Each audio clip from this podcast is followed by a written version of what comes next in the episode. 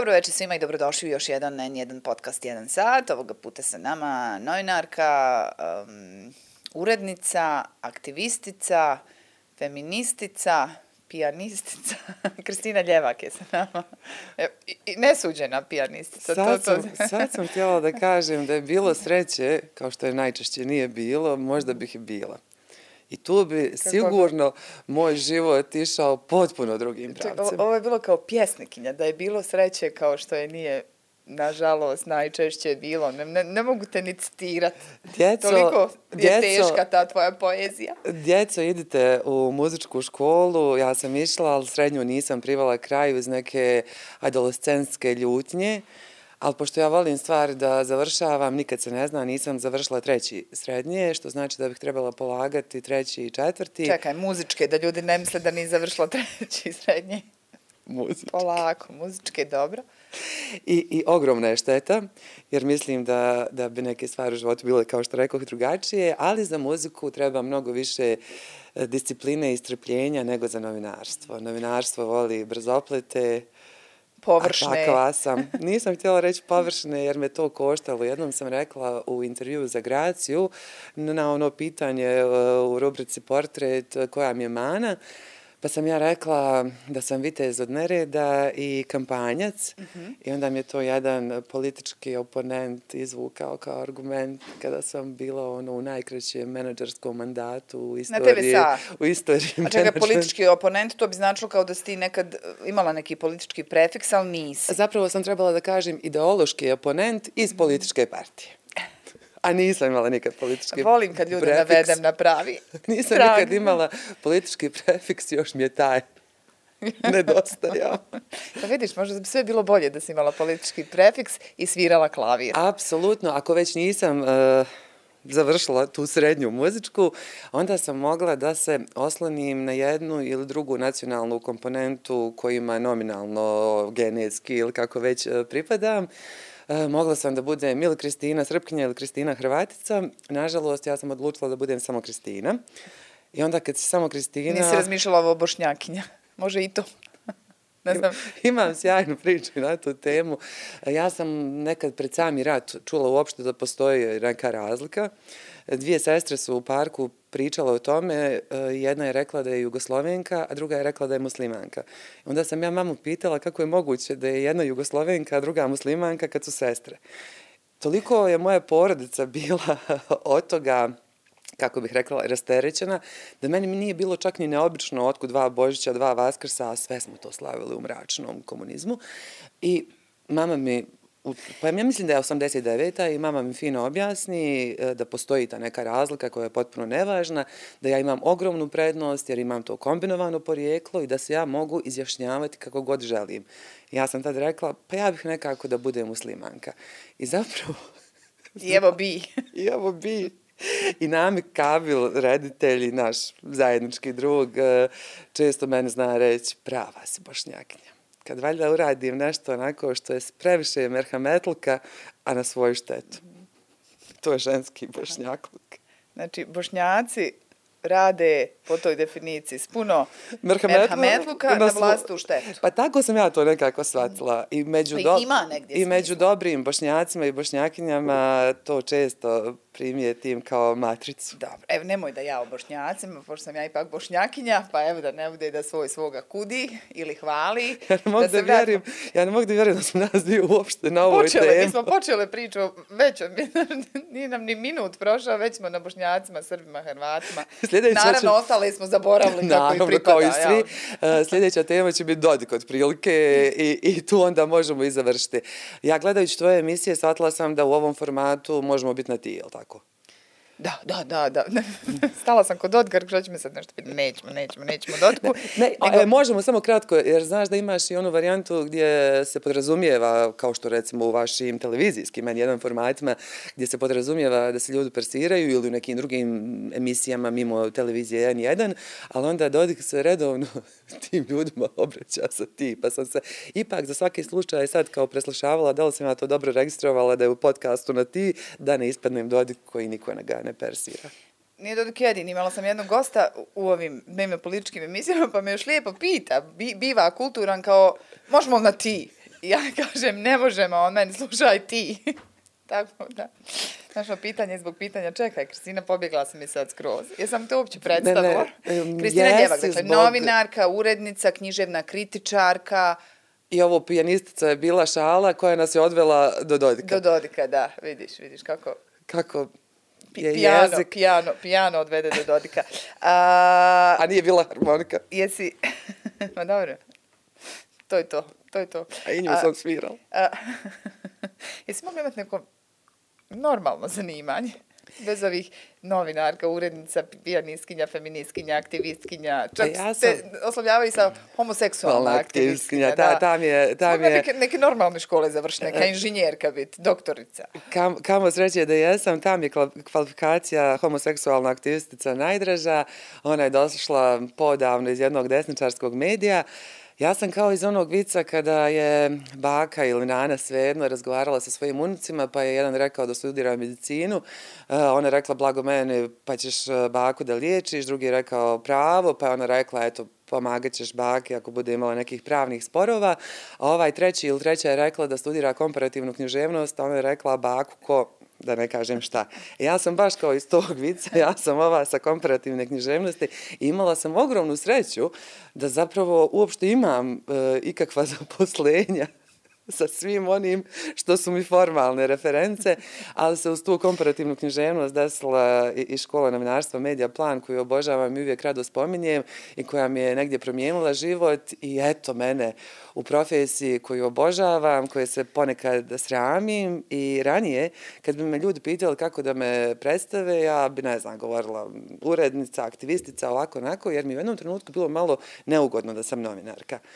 I onda kad sam bila i urednica i direktorica i ne znam šta sve nisam bila, shvatila sam da je ipak ova novinarska pozicija.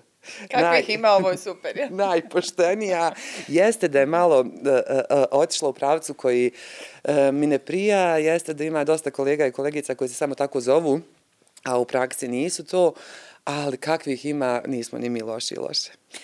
Ti kao da si došla na intervju za posao, da, da predstavim svoju biografiju, šta sam se od škola završila, pa da vidim hoćete li me primiti. S obzirom na ambijent uh, u kom snimamo, uh, Mistral koji ti spomeneš, Divni Mistral, da. ja se sve nešto nadam ko eto, Kad dođeš od u Mistral, nekako žališ što nisi IT-evac, što ne radimo u ovako fantastičnim stvarno uslovima. ali mislim da to apsolutno nije bilo svojstvo našoj generaciji. Našoj Da. generaciji je dobro najsvojstveniji bio rat. Po, mi nekako imamo mi svoj rat. A, nije, ženama pogotovo nije bilo svojstveno da, da se bave tom industrijom, ali evo dobre su vijesti da se to stvarno mijenja. Sve više Na svu žena u sreću, IT da. industriji. Ali ne, bolje da ti ja ne pričamo o IT-u, to sigurno nije. Ali mi- Naše polje ekspertize. Ali mi je jako važno uh, da su u nauci općenito i da se priča o tome, jer malo mi, i o tome sam nerijetko pisala, malo mi zasmeta to forsiranje žena u kontekstu poduzetništva, jer ne možemo biti sve poduzetnice i jako me raduje kada vidim koliko naših mladih žena su u svijetu na doktorskim, postdoktorskim i ostalim studijama i koje se bave naukom i toga premalo ima u, u našem ukupnom prostoru. Tako da, da podržavam, pozdravljam i, i žene će ovladati svim sferama javnog i društvenog i ekonomskog, privrednog i ostalih života. Samo što nam kažeš kad. kad je to u planu? Jesi znala da su žene bolji varioci od muškaraca? Nisam, to mi je odlična, Da. odlična informacija. Ima neko naučno objašnjenje, ja ga naravno kao svaka površna osoba za televizije ne znam, a sam sam naslov pročitala, ja naslovno vjerujem. Čak sam pročitala na ovom IMDb, ono, ono za glumce, za, za ljude iz filmske industrije, da si glumica. Ja, pa Povukli su te iz neke dvije serije. iz dvije koje si serije, obje igrala. su, obje su dragog Elmira Jukića, uh, jedno je naravno Luz Bunja normalan, a druga je, bože, mozak mi je stao, kako ta glumačka karijera mi je toliko, Toliko je toga snimljeno. je. toliko je toga snimljeno. IMDb, je li tako? Je li DB? Ili- I to sad mi je, i sad mi je mozak stao, ne, IMBD, nema veze. Bibi. Uglavnom, i tamo sam uknjižena i uvijek mi je to bilo zanimljivo s obzirom, mada je apsolutno atmosfera na N1 drugačija, ali e, kad se radi na televiziji, onda često se ima dojem da nikome nije u interesu da to nešto dobro ispadne. A kad odeš na filmski ili serijski set, eh, onda si okružen ljudima, kao i mi sada, koji eh, imaju potrebu da ono što je finalni rezultat zaista bude dobro i tako se ponašaju prema tebi. Tako da su te moje male ekskurzije u svijet igranih serija bile jako prijatne i vrlo je indikativno kakve to rezultate među publikom donosi, jer znam kad su recimo djeca od mojih prijateljica, kuma, uh, kad su išla u školu i kad se pojavila u tim epizodama Luz Bun je normalan, uh, da su oni bili vrlo ponosni da su govorili... Šta se volim te glumila u Luz Bun je Ma, novinarku, naravno, u obje Aha, serije. Aha, samu sebe, jel? Uh, pa tako, nekako. A naravno da će djeci biti zanimljivije da im go, da govori da im je kuma u seriji Luz Bulje normalno, već da kuma sjedi i piše o femicidu. Mislim, djeca dok izgovore slome jezik. E, uh, nisam nepristojna da ne misliš da stipkam s nekim dok ti pričaš, nego baš me zanimalo na IMDb database, vidiš kako smo nebistre, nego me zanimalo koja je druga serija u kojoj si glumila. Dva smo svijeta različita, evo, da te informiram u kojoj si još seriji glumila. Vrlo, vrlo znakovit uh, naslov, možda mi nije bez razloga mozak stao, pa se nisam mogla osjetiti. A, ti si htjela da sakriješ, ja sam se pozvala na Google. No dobro, dobro mi došla nakon 15 minuta. Bolje te našla, nakon... zadovoljstvo mi je.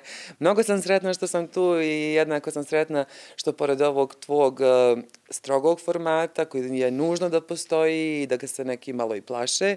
Drago mi je da imaš i ovaj uh, za nijansu ležerniji gdje djelimično oni koji te ne znaju mogu te upoznati, ali samo djelimično. A ne, ovo je savršeno za podvojene ličnosti poput mene. Zapravo, za, za ljude sa više lica.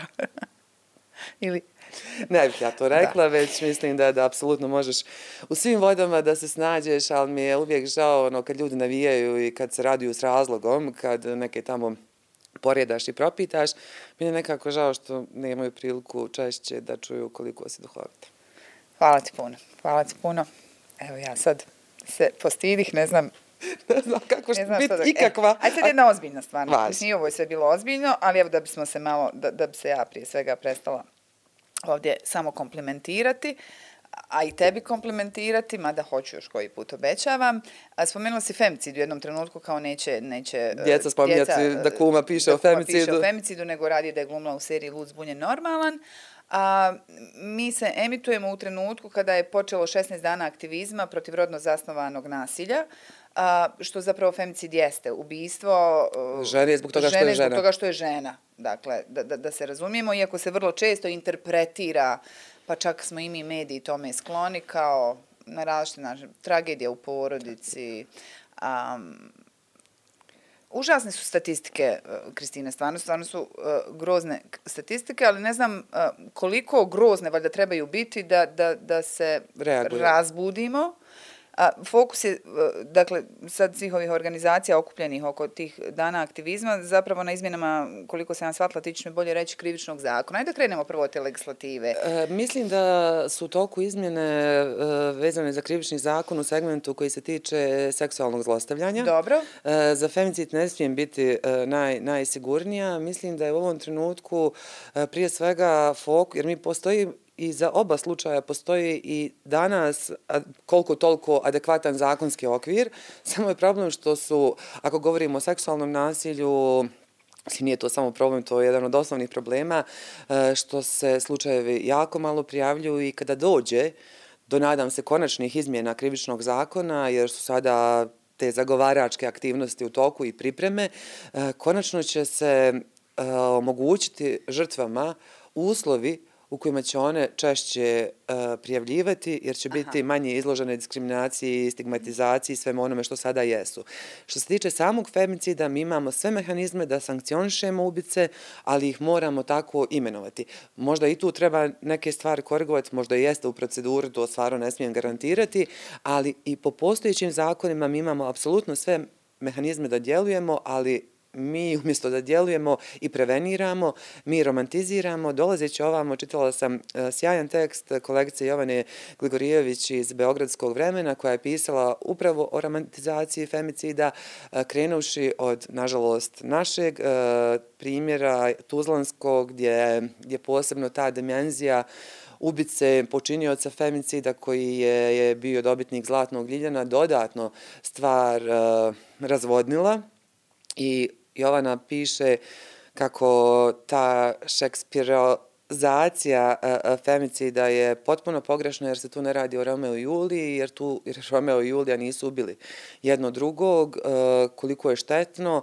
Govori da se djelomično atmosfera u Srbiji promijenila u medijskom kontekstu, ali podsjeća na godine kada je to bilo radikalno loše, poput e, vremena kada je pjevačica Ksenija Pajčin ubijena, pa kada se također izvještavalo o velikoj tragediji između ljubavnika, I onda imamo jednu dimenziju kada e, i javnost, a ponekad i mediji, govore o tome kako trebamo čuti drugu stranu. Mi u slučaju femicida nemamo druge strane, mi imamo ubijenu ženu.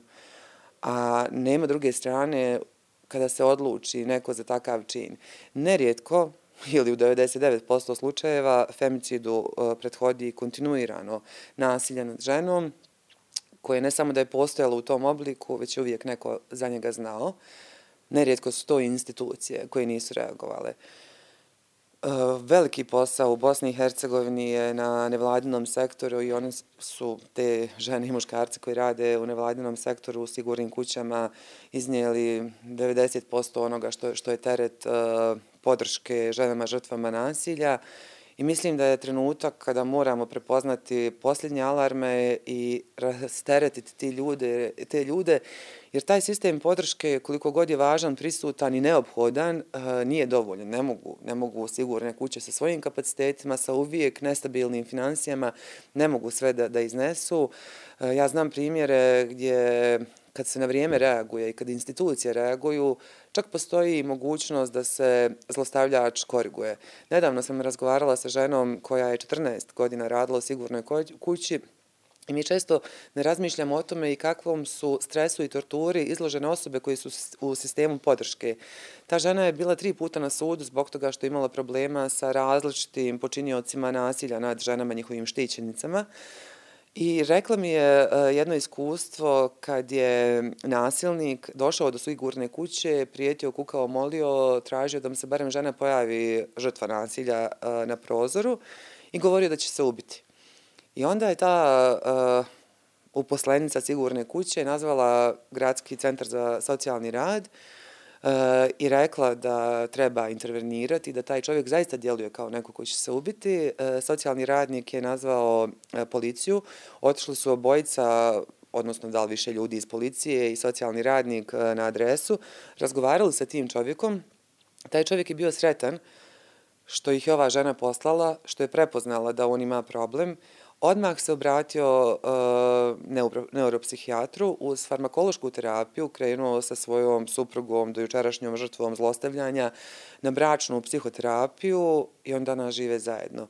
Ja znam da nisu česti... Rehabilitacija. Jest. Uh, ja znam da nisu česti primjeri, ali imamo i da nemaju uh, nasilnici najčešće kapacitete da se koriguju, ali tamo kad imaju, nemojmo dozvoliti da sistem zakaže i da im eh, ne pruži adekvatnu podršku, jer koliko god moramo i dužni smo i dužne da, da se bavimo žrtvama, negdje tog nasilnika ne smijemo da ostavimo kraj puta iz razloga što će on onog momenta, još ako prođe nekažnjeno, onog momenta kada žena bude nakon sigurne kuće situirana u neku drugu životnu situaciju, on će naći novu žrtvu. Da kad dobije priliku. Da, ili, a to potrašće je vrlo brzo. Na užrtu. Ti, ti um, ističeš kako je uh, jako važno, dakle kad govorimo o ovom problemu, uh, da počnemo vjerovati žrtvi ili žrtvama. Ženama općenito.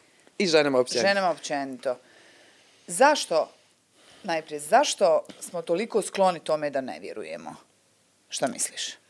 Pa mislim da je, da je patrijarhat mm -hmm. uradio sve što je bilo u njegovoj moći da obezvrijedi uloge razne ženine, a posebno tu biološku uh, koja podrazumijeva da žena, čim je žena, malo je histerična, malo je luda, malo je u vječnom PMS-u, ako nije u PMS-u i ako je u nekom drugom starosnom razredu, onda je u menopauzi. Neki je disbalans. Neki je disbalans i mislim da se žensko ponašanje, žensko iskustvo uh, ženska istina gleda kroz uh, hormonsku prizmu i kroz doslovno biologiju i da su nam takvi standardi nametnuti, da žena najčešće nije pozvana ni o čemu da odlučuje, uh, da su nam takvi narativi nametnuti, da se to prenosi s koljena na koljeno i da jednostavno je nama možda kao kompletnom društvu lakše da ne povjerujemo jer vjerovanje podrazumijeva i reagovanje, podrazumijeva neku elementarnu vrstu podrške ili barem da se ne pravimo da ne vidimo i onda je lakše ne vjerovati to je to je neka vrsta inertan. Da, da, da, da, neka vrsta linije manjeg otpora koja počinje na nevjerovanju, ali kada mi koristimo liniju manjeg otpora za neke benigne stvari, to nije tako strašno. U ovom slučaju je strašno jer uh, propuštamo priliku da spasimo živote. Moram ovo da te pitam, e, na tom mjestu su, evo, u zadnje vrijeme nekoliko puta sjedle žene koje su bile žrtve uh, određene vrste nasilja ili seksualnog uznemiravanja ili nasilja, a, pa su e, prokomentarsale žensku solidarnost i, i e, činjenicu da su e, mnogo puta ne naišle na nju, a očekivale su je. A, kako ti to komentarišeš? Je li to nešto što ti također zapažaš? Dakle, je to da žena isto ne vjeruje ženi? Ili... Je bi li to uopće trebalo napraviti neku polnu distinkciju da, da, da je logičnije da žena vjeruje ženi nego muškarac? Kako, kako gledaš na sve to? I to nam je patrijarhat lijepo posložio. Mm -hmm. uh, patrijarhat je nametno između žena tu takmičarsku dimenziju e, natjerao nas je ili pokušava neke natjerati, natjerati da stalno nešto dokazujemo da smo bolja jedna od druge, od toga kakva smo majka e, domaćica do toga kakva smo radnica ili ne znam šta e, četvrto. I za sve to što se događa, e, isključivo je odgovoran patrijarhat. Problem je naravno što postoji toliko neosvještenih žena koje pristaju na to i koje svojim nečinjenjem hrane patrijarhat. Ja često imam privilegiju E, da razgovaram sa mladim ljudima kojima na različitim e, neformalnim edukacijama, bilo da su novinarske, političke ili neke treće, e, da predajem i onda se uvijek desi na tim predavanjima da me neka od mladih žena pita zašto je žena ženi Vuk. Ja kad čujem to žena ženi Vuk, ja bih odmah čopor Vukova poslala na onoga koji prvi to smislio. Ali, nažalost, i one to prepoznaju u svom okruženju. I onda ja koristim jedan primjer koji možda nije najtačniji eh, odgovor, ali je vrlo ilustrativan, jer su mi također to jedno mladi ljudi pitali na predavanju zbog, zbog čega se žene revizorke lošije ponašaju prema putnicama bez karte nego muškarci. Revizori, onda sam ja rekla zbog toga što su one samo imale taj muški model revizorskog ponašanja i one ne znaju da može drugačije. Jer to tek zadnjih godina žene e, uh, počinu da kod nas barem rade taj posao. Tako da taj muški model ponašanja koje preuzimaju, prepisuju je posljedica uh, nesolidarnosti koja postoji, koja je, kako sam rekla, izvere iz, iz patrijarhata. Naravno da je bolna i naravno da je njeno postojanje ključno za žensku stabilnost, za sigurnost onda kada je ona potrebna. Ja zaista vjerujem da načelno ovaj svijet počiva na, na dobrim ljudima i njihovim dobrim dijelima, ali da snažanu polugu u, u tom održavanju ovakvog naopakog svijeta čine zaista žene koje su međusobno solidarne i koje ne, vode, ne dovode u pitanje e, ništa vezano za, za druge žene. E, problem je i sve smo mi vjerovatno imale... E, Čekaj, izvini, šta znači ne dovode u pitanje ništa vezano za druge žene? E, kako bih rekla, nema, kako, u određenim situacijama nema druge strane u određenim... U određenim I, go, I govorim o životu, to... a ne o novinarstvu. U novinarstvu bi trebalo da, da ima, osim Dobro. u slučaju femicida gdje nije, mm. gdje nije žrtva uh, uh, prisutna. Malo sa sam ovim jastukom zadeverala. Uh, u nekim stvarima u životu nema druge strane. Kad, kad se žena drugoj ženi ili bilo kojoj osobi uh, obrati zbog toga što je žrtva nasilja, onda tu nema prostora za relativiziranje. A u tim situacijama nam je solidarnost najvažnija i ona se može manifestirati kroz različite oblike. Možemo toj ženi ponuditi da je saslušamo, možemo joj napraviti supu, možemo joj ponuditi novac, možemo joj pomoći da dođe do zaposlenja i što je najvažnije, ne smijemo je nikada osuđivati, pa čak ni onda kada se odluči vratiti nasilniku, što je posebna tema i nepregledno polje, ali se dešava da čak nekad e, vrlo kako bih rekla, situirane, obrazovane, građanski osvještene porodice, da se odreknu vlastitih čeri u određenom smislu, kada pomisle da su one prekardašile u broju povrataka nasilniku. A taj ciklus i začarani krug nasilja je jedno od, od, od, od onako naj, najtežih e, e, omči, također patrijarhata, i procesa nasilja nad, nad e, ženom i u to zaista ne treba ulaziti ni na koji način, osim kroz podršku, na način na koji je žrtvi u tom trenutku potrebno. Da. Kako ona kaže da, da joj odgovara. Da. Stvarno su česte osude upravo na tom tragu. Um, što se vratila, što, se, što, što, vratila. Nije, što nije otišla. Ili što nije davno otišla. Upravo to. Da, da joj ne valja, ne bi tu ostala. I što je uopšte s njim. Da, da. Um, gledajući sve te komentare a, ispod vijesti koje jeli, tematiziraju femicid, e, evo ovaj svježi koji se desio u Bosni i Hercegovini, užasneš li se? Jako. Pogotovo što sam nedavno pisala upravo tekst e, na temu komentara ispod tekstova na domaćim portalima Uopće. povodom, povodom uh, femicida. A, povodom femicida. Povodom femicida. I onda taj narod naš koji bi sve da osudi najčešće, odjednom ispod vijesti o femicidu govore ko zna šta je tu bilo. Treba ipak uh, saznati, otkriti ili kako već definišu sve, pa onda donositi sud. Odjednom postanu nekako vrlo razložni i analitični. Dokle ga je dovela? Dokle ga je dovela, jer ga je uvijek dovela, uvijek nečim isprovocirala, e, nerijetko je nevjerna, u procjeni komentatora, zapravo kriva je, kriva je što nije živa i upravo to kao zamisliš šta je ona sve radila i koliko je tog čovjeka izluđivala kad je on tako divan, krasan, e, drag komšija, kad je morao da je ubije. E što onda te divne, krasne komšije najčešće ubiju sebe, to je isto posebna tema, kad već uh, misle da je ubistvo žene adekvatna sankcija za njenu neposlušnost, onda što ne ostanu u životu pa se brane. Čini li ti se, a da odmakne malo isključivo od femicida, čini li ti se da je nasilje, nasilje generalno u ovom društvu postalo popularno? Mislim, nažalost, da. I, i, i, i, u svim oblicima. Šta ga je toliko populariziralo? Da li upravo evo, u nekoj mjeri i te društvene mreže i mogućnost da, da, da ostavljamo tako svoje mišljenje? Ja mislim da su društvene mreže samo pokazale našu stvarnu prirodu. Da smo uvijek tako bili, a sad se to samo vidi, jel? Od prilike, jer mhm. ja sam imala iluziju do agresije na Ukrajinu, da bi sve bilo drugačije da je početkom 90-ih na Balkanu postojao Facebook. I onda mi u realnom vremenu na svim društvenim mrežama na našem kontinentu gledamo reprizu onoga što smo proživili i imamo društvene mreže, imamo sve mehanizme uh, i zapravo one samo doprinose, evo u kontekstu rata, uh, doprinose širenju lažnih vijesti i, i kreiranju paralelne stvarnosti. Čak smo u tom segmentu... Što da ispade da je još bolje, što smo mi, nije bilo društvenih Da, što smo mi prošli uh, u kontekstu rata i agresije, a mislim da su društvene mreže pokazale našu pravu prirodu i ljudima koji uh, E, ni u kakvim drugim okolnostima ne bi mogli izaći iz svoje anonimnosti, jer bi morali pokazati neke, znanje, neke vještine, talente, znanja.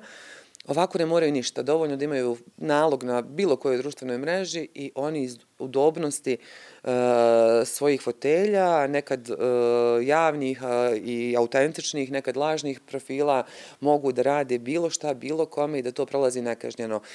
Poseban segment e, popularizacije e, nasilja je upravo ta, e, e, ta cyber tortura koja se kontinuirano dešava e, nad ženama, između ostalog, nad nekim našim kolegicama, i na nama na kraju krajeva, e, koja se nek sankcionira, mi nemamo regulative koje mogu to, to kažnjavati, a onda očigledno su neki od najglasnijih e, i prisutnijih e, štetočina na društvenim mrežama jako dobro instruirani i koriste ključne riječi koje Facebook neće sankcionisati. Njihova je poruka strašna, uh, njihova je namjera užasno loša, ali očigledno struktura sadržaja je takva da je Facebook ne prepoznaje kao štetan i uprkos prijavama Da, vrlo često prijaviš i, e, Facebook i budeš reaguje. frustriran kako Facebook reaguje na način da ti saopšti da ne vide ništa sporno. Evo, jedan od, posljednjih, jedan od posljednjih primjera je, ja namjerno neću da izgovorim ime tog čovjeka, i ja sam također bila na meti, a jedna od posljednjih, najintenzivnijih e, žrtava je bila naša kolegica Dalija Hasanbegović-Konaković i znam da su kolege i kolegice iz raznih e, organizacija medijskih prijavljivale, ali mi vidimo da taj čovjek i dalje Da, neometano A znam i nastavlja. sama sam ti vrlo često tamo, da. Bile smo tamo. Znam, znam, znam o čemu govoriš. Kad govorimo o tom sajber zlostavljanju, toj torturi koja, nažalost, vidjeli smo i takav primjer nedavno, rezultira i e, najradikalnijim scenarijima poput samoubistva jednog mladog čovjeka. Baš konkretno kad je taj slučaj e, bio u pitanju, pa mi sad ide u prilog ovome što, smo što ste rekla da smo zapravo od uvijek bili takvi, sad smo samo više ono exposed, vi- više se vidimo na tim društvenim mrežama. Ti si podsjetila e, da smo kratkog pamćenja i da smo imali i Mahira i, i slučajeve, dakle, unazad tog nekog nasilja koje je dovodilo do samoubistava, nije se dešavalo u online prostoru, nego se dešavalo zapravo u, u stvarnom svijetu. A nama su, da, ja sam pisala nedavno tekst na tu temu i mi tako često to zaboravimo. Meni je primjer e, Mahira i njegovog suicida kao posljedice nikada neistraženog e, vršnjačkog nasilja jedan od najgrozomornijih primjera iz naše recentne stvarnosti i ne samo suicid tog djeteta nedužnog, nego društveno ubistvo njegove porodice. Način na koji je ova javnost, a poneki i mediji obilato, zlostavljala Alisu Mahmutović i Dubravka Lovrenovića je prilično nezapamćena, kažem, u recentnijoj a, a, a, prošlosti. To kako se ta žena doživljavala, ja sam pišući tekst tada, kad je bilo aktuelno o Alisi, napisala kako ona ne odgovara socijalnom modelu jadnosti. To sam ja smislila, ali to mi je bio naj, e, kako bih rekla, e, plastičniji način da objasnim, da pokušam objasniti u čemu je problem. Imamo nekad neke žene uprkos patrijarhatu, uprkos izostanku, uprkos uh, izostanku solidarnosti, prema kojima društvo reaguje. Budu čak i vrlo jednoglasni i budu vrlo podržavajući, barem deklarativno, ali one negdje malo moraju da, da odgovaraju tom socijalnom modelu jadnosti, da se one malo i sažali na njih. Ali Alisa je bila, grozno je govoriti u prošlom vremenu, preljepa žena, univerzitetska profesorica, doktorica nauka i žena koja se usudila preudati, jer se kod nas žene drugi i treći put i svaki naredni ne udaju, one se preudaju. I ona se usudila uh, uh, preudati, a Dubravko Lovrenović je tako, također bio neko sa, sa ogromnim društvenim, uh, uh, kako bih rekla, referencama, sa ogromnim socijalnim kapitalom, univerzitetski profesor, najveći stručnjak za srednji vijek, iznimno šarmantan i duhovit čovjek, I trebalo je e, njih uništiti, njih skloniti da nas ne podsjećaju na naše nesavršenosti i zapravo mi smo se zbližili tokom tog užasa kroz koji su ljudi prolazili dok su još bili živi. Ja sam pred sam kraj Alisinog života saznala da je zapravo cijeli proces e, bio vođen tako da se pokušavala dokazati njihova krivica kao roditelja, a nijednog trenutka preispitati odgovornost u školi i onoga što se u školi e, e, desilo. I mi se tako prigodničarski sjetimo te trage, E, to je tragedija. To je tragedija, ali opet možemo govoriti o jednom društvenom uh, uh, ubistvu i femicidu i, i svašćemu nečemu. Uh, tako se prigodničarski sjetimo, a, a ta priča jeziva nam nije korektiv ni za šta. Neke su se važne stvari nakon, nakon samoubistva Mahirovog morale, morale uraditi, Ali imamo jako mnogo ljudi u javnom prostoru, u javnom životu, u intelektualnom miljeu kojima nije bilo interesu da se sve ono što se moglo saznati vezano za tu školu, da, da izađu javnost. Jako su se potrudili da okrive njegove roditelje. E, na kraju jedna od tih presuda, ali već kako se zove, pokazuje da roditelji nisu nisu odgovorni, to je jezivo. To mi je Alisa govorila u trenutku dok je ležala na onkologiji i gdje je njegin kraj bio, bio ne, potpuno izvjestan. Da. Osjećaš se ti u, u ovom trenutku um, na neki način uh, žrtvom pa i sajber torture? A, ovo te pitam, dakle, pitala sam te i prije nego što si tu sjela zvanično smo počeli, dakle, da li možemo otvoriti temu tvog, uh, tvoje trenutne privatne situacije, koja je vrlo relevantna u kontekstu ovih tema. U kontekstu ovih tema, relevantna za sve nas. Zašto te pitam, osjećaš se žrtvom sajber torture? Zato što, dakle, ti, evo, malo neko objašnjenje za gledatelje, trenutno prolaziš u, kroz situaciju u kojoj a, tvoj bivši partner otkriva, dakle, najprije kroz društvene mreže, dijelove vašeg a, intimnog, privatnog života, na što ti šutiš, ne odgovaraš, a to na kraju rezultira čak i uh, knjigom koju je napisao tvoj partner, koja nisam stvarno čitala, nemam ni namjeru, koja, kako shvatam, ogoljeva vašu intimu u potpunosti koja je, koja je u prodaji. Kako se osjećaš zbog svega toga? Sad sam ovo nekako nespretno prepričala, pokušavam mogu, da ne... Ne, ne kompromitovati, razumijem, uh, mogu ja kroz odgovor uh, i neke stvari uh, pojasniti. Da, upravo se osjećam kao žrtva nasilja, virtuelnog, realnog, psihičkog zlostavljanja, e, kao neko ko je šest mjeseci od jednog vrlo mučnog prekida e, partnerskog odnosa, pa onda raznih oblika torture nakon prekida partnerskog odnosa, kao neko ko je svih tih šest mjeseci e, čutao do trenutka i podnoseći sve ono što je bilo prisutno na društvenim mrežama, nekako nastojeći da sačuvam kroz to našu zajedničku djecu, do trenutka kada se pojavila knjiga u kojoj se ogoljava naša intima, koja ima u sebi segmente osvetničke pornografije. Nažalost, kod nas se e, termin osvetnička pornografija direktno veže za eksplicitni video snimak seksualnog odnosa dvoje ili više ljudi.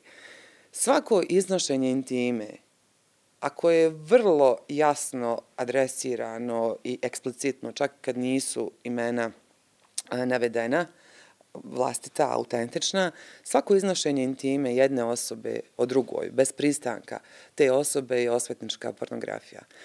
Tako da knjiga koja se na kraju pojavila iz pera mog bivšeg partnera koji nije profesionalni pisac je u domenu osvetničke pornografije nakon što me je, kako si ti u pitanju i rekla, šest mjeseci e, sporadično ili kako već e, zlostavljao putem društvenih mreža, iznošteći također našu intimu u javnost i iskrivljavajući istinu.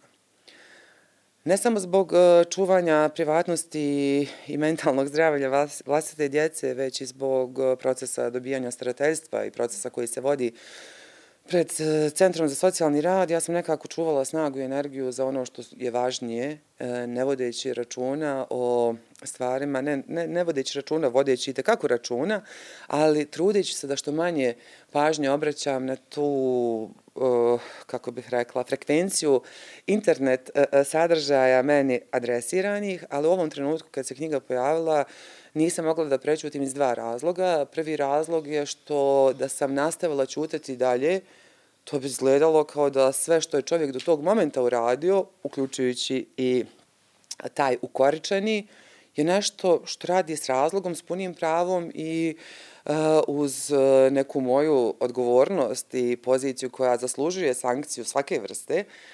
To je prvi razlog zašto sam konačno odlučila da reagujem. Drugi razlog je saučešništvo ljudi kojima sam vjerovala, koji su po različitim osnovama meni bili bliski i koji su izdavači ili prodavci knjige. I to sam htjela prosto da te pitam. Šta si kroz ovo, svježe još pogotovo to sa, sa, sa ukoričenjem, kako ti kažeš, tako da ćeš sigurno još dosta učiti, ali šta si do sada o ljudima naučila ja mislim kroz ovo? da je ovo posljednje Uh, mada sam imala, evo na početku smo spomenuli taj uh, turbulentni kratko i nećemo se na to apsolutno vraćati. Kratko smo spomenule u kontekstu druge priče taj turbulentni najkraći mandat u istoriji menadžmenta moj na TVSA. To je bilo 2019. godine i to je bila jedna od mojih najvećih životnih lekcija. Ja sam mislila kad neko prođe kroz tu vrstu torture i toplog zeca, pa nećemo se u životu na svaku tri godine dešavati eh, uh, slično uh, iskustvo. I zapravo kad se ponovilo u drugom obliku, što je mnogo teže jer dolazi iz najintimnije sfere, onda sam shvatila da je, da, da je zapravo to, iako ja nisam sklona nikakvim ovim life coach principima i ono misli dobro pa će dobro biti, vibriraj pa će svijet da pleše oko tebe, ja mislim da zaista negdje je to sve posljedica lekcija koje ranije nismo naučili na lakši način, koje smo zanemarili, i sad ih učimo mnogo teži. E, nekim ljudima apsolutno ne treba dozvoliti da budu blizu nas. Ja sam sada razmišljala... A kako ih prepoznati na vrijeme? Eh, ne znam. To sad to retroaktivno, kao to ćemo, nekim to ćemo, ljudima ne treba dozvoliti da budu blizu nas. E, pa znaš kako? Evo konkretan primjer. E, znači, ovo sad nema nikakve veze sa partnerstvom, e, ni sa prijateljima, ni sa čim. E, ni sa ljudima na čiju smo podršku računali na solidarnost, na svjetonazore koji nas povezuju, pa će u jednom trenutku zbog toga neko da bude malo više uz nas ili i kako bude uz nas, e, to ne treba ni kroz tu sferu uopšte posmatrati, apropo lekcija. Ja sam pomislila na neke ljude e, koji mi se nisu javili uopšte, od kojih sam očekivala. Javila se kolona onih od kojih nisam očekivala. Tako to biva. Naravno, i se nekih uh, kako bih rekla, neodmjerenih uh, usluga i ustupaka koje sam činila za te ljude. Sjetila sam se recimo nekih uredničkih potpisa u izdavačkoj kući sa kojoj sam radila ispod nekih knjiga gdje se nisam trebala potpisati. To je također, moj angažman sa, vezan za tu izdavačku kuću, je također bio jedan toksični odnos koji se, hvala Bogu, konačno završio. Jer mi uvijek kad smo u toksičnom odnosu, mi pristajemo na razne izgovore zbog čega smo dio toga. Ja sam imala kilometre izgovora pred sobom zbog čega to radim, a danas znam da nisam trebala imati ni jednog razloga. Mi uvijek možemo da kažemo strah eh, za egzistenciju, kredit, ne znam nija šta. Ne, to nisu opravdanja. Sve dok imamo fizičku sposobnost da radimo bilo koji drugi posao, nema ni jednog razloga da pravimo kompromise radeći taj neki toksični.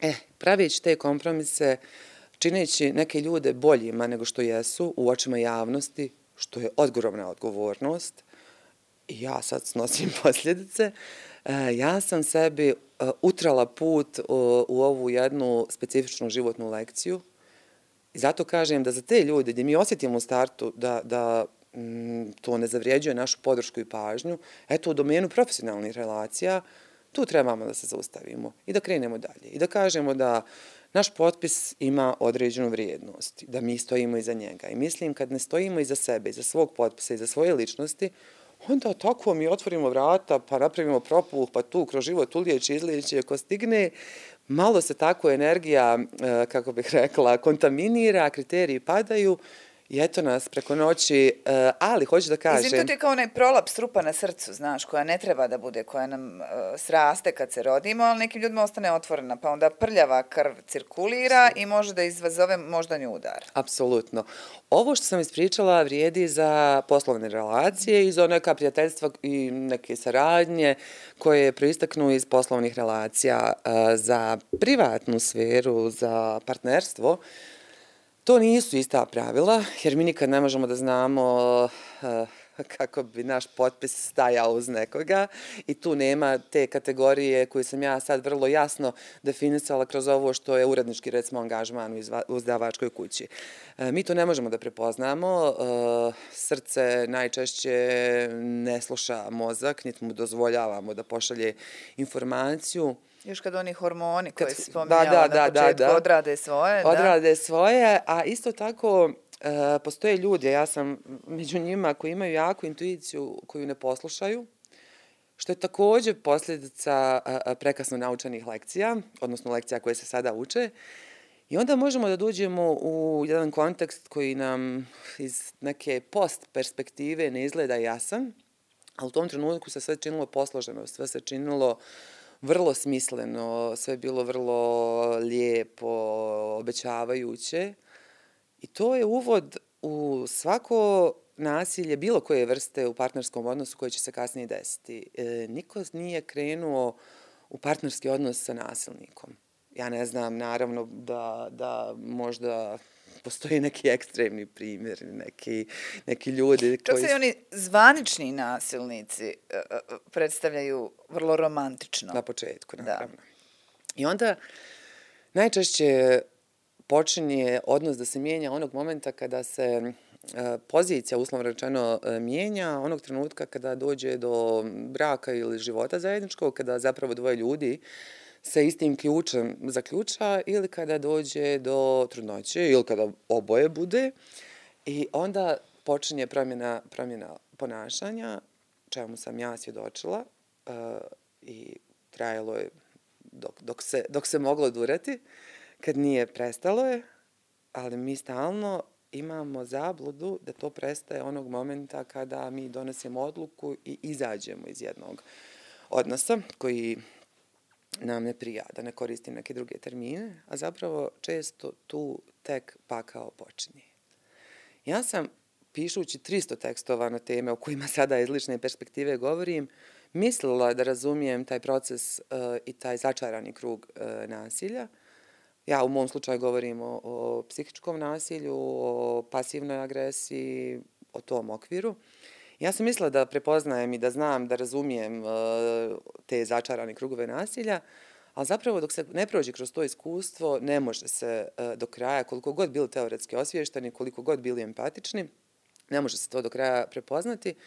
I ja sam spoznala taj jedan segment koji podrazumijeva fazu medenog mjeseca koja će se najčešće naći u literaturi i u novinskim tekstovima, To je naravno ta pokajnička faza muškarca i faza koju prate poklon i obaspanje pažnjom. I to vjerovatno žene koje u sebi još uvijek imaju ljubavi ili želje da se vrate tom odnosu, to im bude dovoljan razlog da pomisle pa zar je moguće da nakon ovoga, nakon svega što je izgovorio, nakon svih pokajanja, nakon svih tih vrlo opipljivih predmeta kojima me obasuo, zar je moguće da će se on vratiti na staro i onda se žene tada prvi put vraćaju.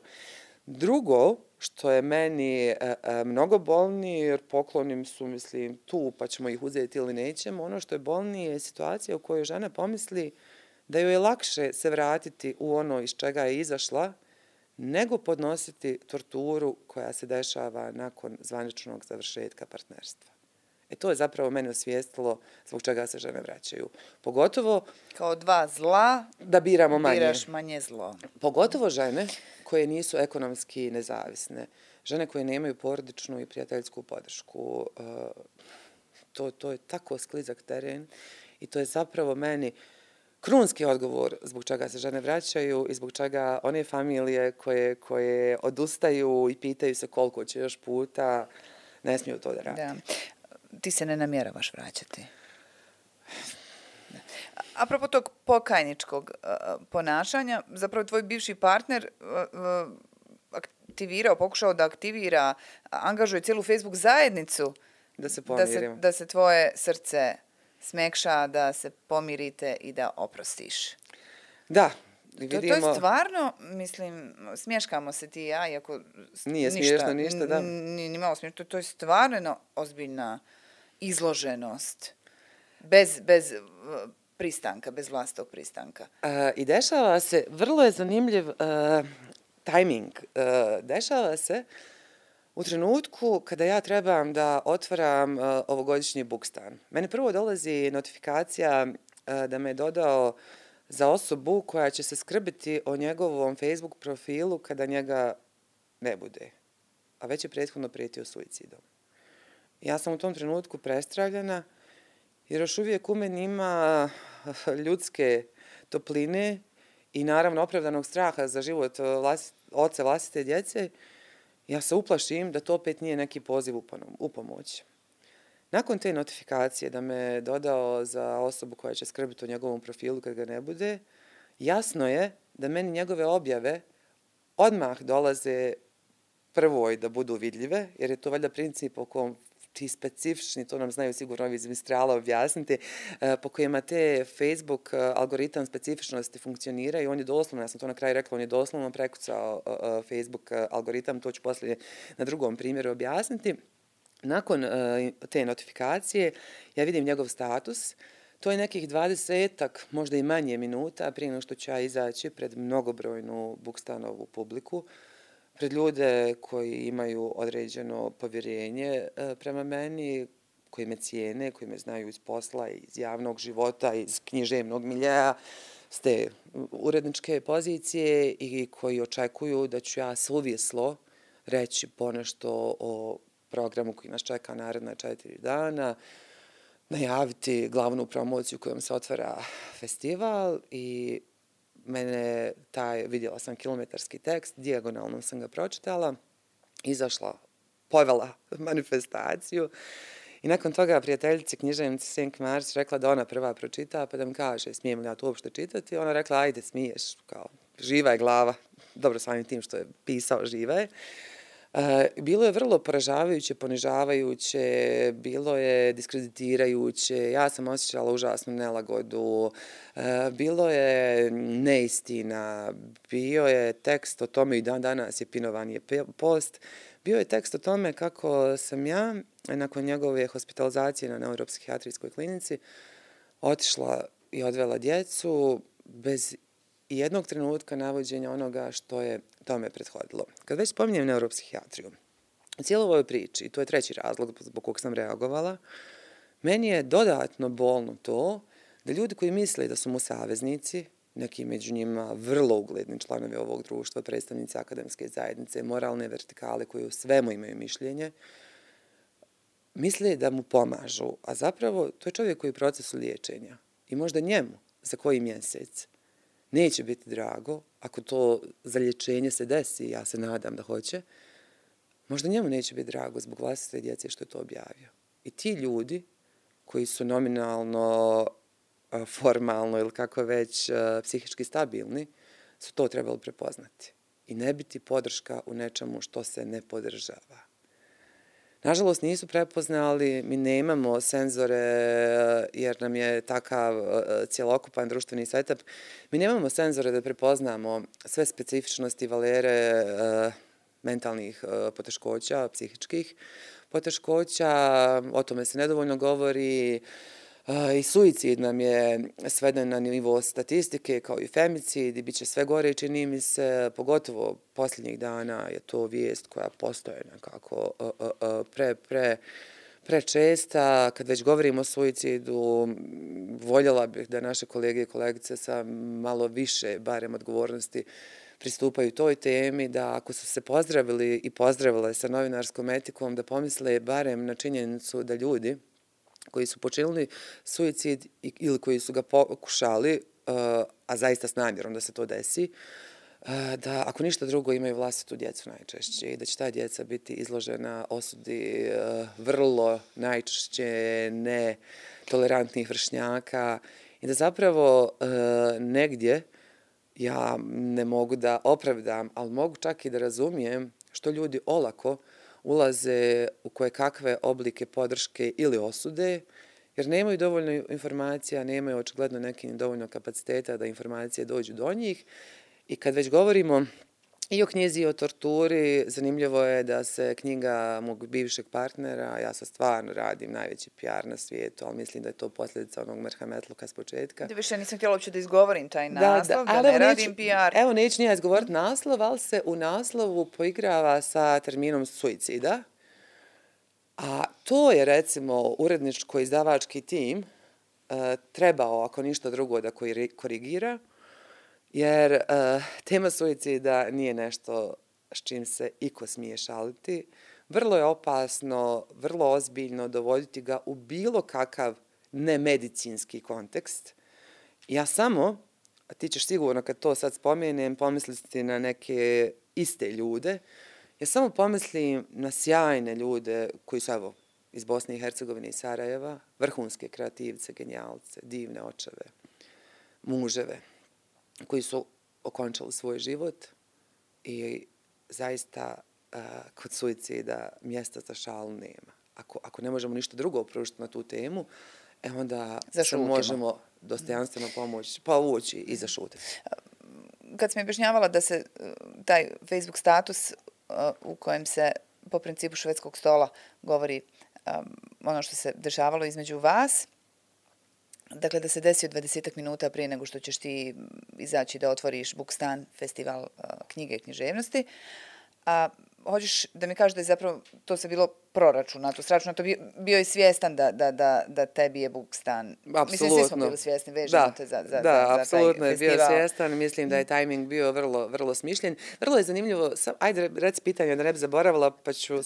Ja sam htjela da ne zaboraviš ono što si rekla, dakle to ti je bio uh, jedan dokaz prekucavanja Facebooka. O, prekucavanje Facebooka mi je bio dokaz kasnije, e, tad sam shvatila da je mene dodao e, za osobu koja će se skrbiti o njegovom profilu i da me uplaši, da me destabilizuje pred nastup, a i da prva vidim njegove objave kasnije. Jasno, u smislu da ti negdje nagovijesti da, da je uh, samoubistvo moguće, jeli? I, ma, Ne to- se ti to- prepala. Ne bi se prepala, ali kasnije samim tim što sam tako blisko vezana za njegov profil, da nema šanse da ne vidim njegovu Nećeš objavu. propustiti tu objavu, jasno. Njegovu objavu i tu i svaku narednu. Shvatila sam da je prekucao Facebook algoritam onog trenutka kad je u Sarajevo, kratko, došao čovjek koji je jedan od najuspješnijih naših ljudi u svijetu, koji ima firmu sa 2000 i nešto zaposlenih i koji stvarno nema vremena da visi na Facebookom. A on je u toj fazi objavljivao nemilice fotografije naše djece i fotografije na kojima su naši prijatelji, uglavnom moje prijateljice, koje su nastale u privatnim trenucima koji nisu bile namijenjene objavljivanju na Facebooku. I on je tagovo sve nas nemilice. Tim tagovanjem je prekucao Facebookov algoritam i meni osoba koja dolazi u kratku posjetu Sarajevu i koju ja ne znam do tog momenta, prišla i pitala, uh, kazavši naravno da je svjestan da se mi ne poznajemo, ali me pitala da li mi treba fizička zaštita. Ako to prepozna neko ko ima jako mnogo posla, kao što rekoh, jako mnogo zaposlenih, jako mnogo nagrada međunarodnih, onda je jako čudno da neki ljudi koji su iz iste te avlije književno izdavačke nisu prepoznali da, da postoji problem. Si ljuta na njih? Nisam, zato što je završen toksični odnos. Mislim da, da stvarno je ovo neko uh, uh, vrijeme ubrzanog sazrijevanja. Da stvarno vrijeme učenja lekcija, da neki ljudi nisu bili uspješni đaci, da se to nije samo desilo na primjeru klavira, već na nekim životnim primjerima i da je stvarno neka možda, kako bih rekla, sankcija za, za propuštene direktnije poruke ljudima blagovremene, za kompromise koji su napravljeni.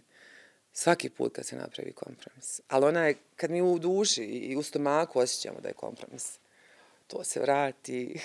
Da, ali stalno ti govore da su međuljudski odnosi, pogotovo ti međupartnerski odnosi, Kao rezultat kompromisa. rezultat kompromise, da- da moraju biti utemeljeni na kompromisu.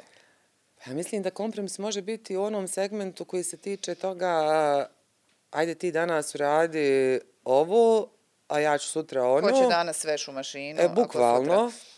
Ali da nema kompromisa kod suštinskih e, tema, kod temeljnih razlika među ljudima, da onog momenta kad zanemarimo neku od naših temeljnih razlika u partnerskom odnosu, mi već pravimo kompromis, pravimo ga sami sa sobom.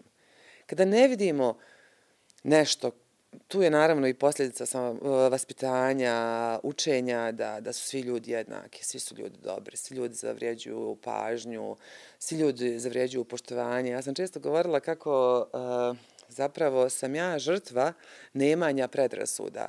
Ja da imam predrasude prema bilo čemu, nešto bi me u životu zaobišlo kad imaš problem sa, sa ljudima druge seksualne orijentacije, vjere, e, boje kože, onda tebe jedan društveni korpus zaobiđe, odnosno zločesti ljudi iz tog društvenog milija. Šalim se, naravno, ne treba a, a, To se ni na koji način... jel to propagiraš Sad ispada, da. sad ispada A- tako, ali, ali, ali zapravo nas uh, jedna otvorenost i povjerenje u ljude i život nekad vodi i, i u pretjerano, i nekad vodi i pretjeranoj toleranciji.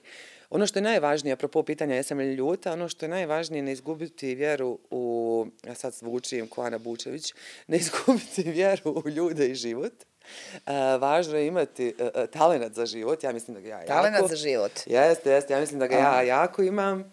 Danas sam dolazeći ovamo, Mislili su mi na, na 300 strana. Opro, je li to talent ili ta ljubav prema životu? Kombinacija. Dobro. Ali mislim da stvarno mora biti malo i talenta. Da se onda i ta ljubav desi prema životu. Dolazeći, aj mora biti malo, malo i blesavo. Uh, ja sam danas dolazeći ovamo, mislila o 300 stvari koje me čekaju nakon uh, snimanja i o 300 problema o kojima malo čas ponešto rekoh. Uh, E, scrollala onako na, na Facebooku, m, razmišljajući uopšte previše o sadržaju koji gledam i naletila na profil jedne osobe i pomislila, bož dragi, kako me nervira. I u tom momentu šaljem prijateljici poruku kako sam radeći to na Facebooku u trenutku dok uh, mislim o sto prečih stvari, pomislila kako me ta osoba određena nervira i zapravo shvatila da to mene spašava. Dogod kod mene postoji prostor i za to dnevno nerviranje zbog toga što neko pretjeruje u samopromociji ili u, ne znam, moraliziranju ili u nečemu trećem. Živa se. Živa sam, dok god me nervirate. Nervirajte me. Ali zašto kažu ovi iz, iz uh, ovih nekih um, alternativnih uh, svjetova? Kad nas ljudi ogovaraju, naša karma se čisti. I to je meni odgovor zbog čega su političari najčešće dobrog zdravlja. Ma ideš, onda mene ljudi ništa ne ogovaraju. Ti si izuzetak koji potvrđuje pravilo i to je rečenica koja meni nikad neće biti jasna, ali eto možemo... Ogovaraju me 100% zdravlje mi je katastrofa poruči u tim alternativnim svjetovima da im se nešto poremetilo. da to malo po, da zavrnu ventile. Došlo je do disbalansa. Negdje opet na meni. Mislim da je to generacijski Sklopka. Mislim da je iskočila. to generacijski problem. I zaista postoje kad smo kod alternativnih svjetova postoje neke univerzalne generacijske karakteristike zbog toga postoji i kineski horoskop. Opet zvučiš kao Ana. Ja mislim da je to zapravo pravi put. Ne politika i ne klavir nego uh, zdravi životni stilovi, promocija. Što misliš, da li bi meni niko, evo sad obrćemo na pozicije, da li bi meni niko došao, nakon svih ovih mojih javnih momenata, Da li bi me niko došao na neku life coach uh, seansu? A kao da ti budeš life da, coach? Da, da, da. A, pa ovisi kako će završiti ova tvoja storija. Ali ne ozbiljno, apropo, apropo toga, je li um, namjeravaš poduzeti neke korake pravne korake. Pardon, da, da, upravo sam u mm -hmm. razgovorima sa mjerodavnim ljudima. Mislim da naravno ni druga ni treća strana nisu bile naivne.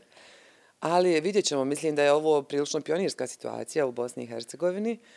Tako da, ako mora se u prve redove, nije prvi put.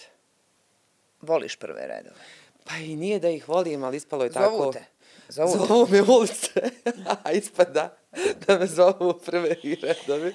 Dosta se borila za druge, daj, daj sad malo za sebe. Mada je to sve borba za nas. Borba za nas, naravno, mm. i bilo bi mi mnogo teže i osjećala bi se nekako licemirno da sad očekujem da, ja zapravo i ne očekujem, ja svu podršku koja dođe tako sa zagrljajem prihvatim, ali sam samo očekivala od onih ljudi e, gdje sam s pravom posijala sjeme očekivanja, ovi svi drugi divni ljudi koji mi se javljaju, zaista ne očekujem ono, nastavite se, nastavite se vi e, javljati, ali bi se osjećala licemirno da sam ja čutala, a da a, sad kao očekujem da me ljudi malo zagrali i prigrali, a lijepo je kad zagrale i prigrle, lijepo je kad a, ljudi koji ni na koji način nismo zadužili nazovu i pitaju treba li ti para? I meni je to genijalno ne znam, nemam više vremena, ali sjetila sam se jedne situacije od ljetos eh, kad sam privremeno sa dvoje djece bila u posuđenom stanu od prijatelja koji su vani i koji su sticajem okolnosti eh, u zgradi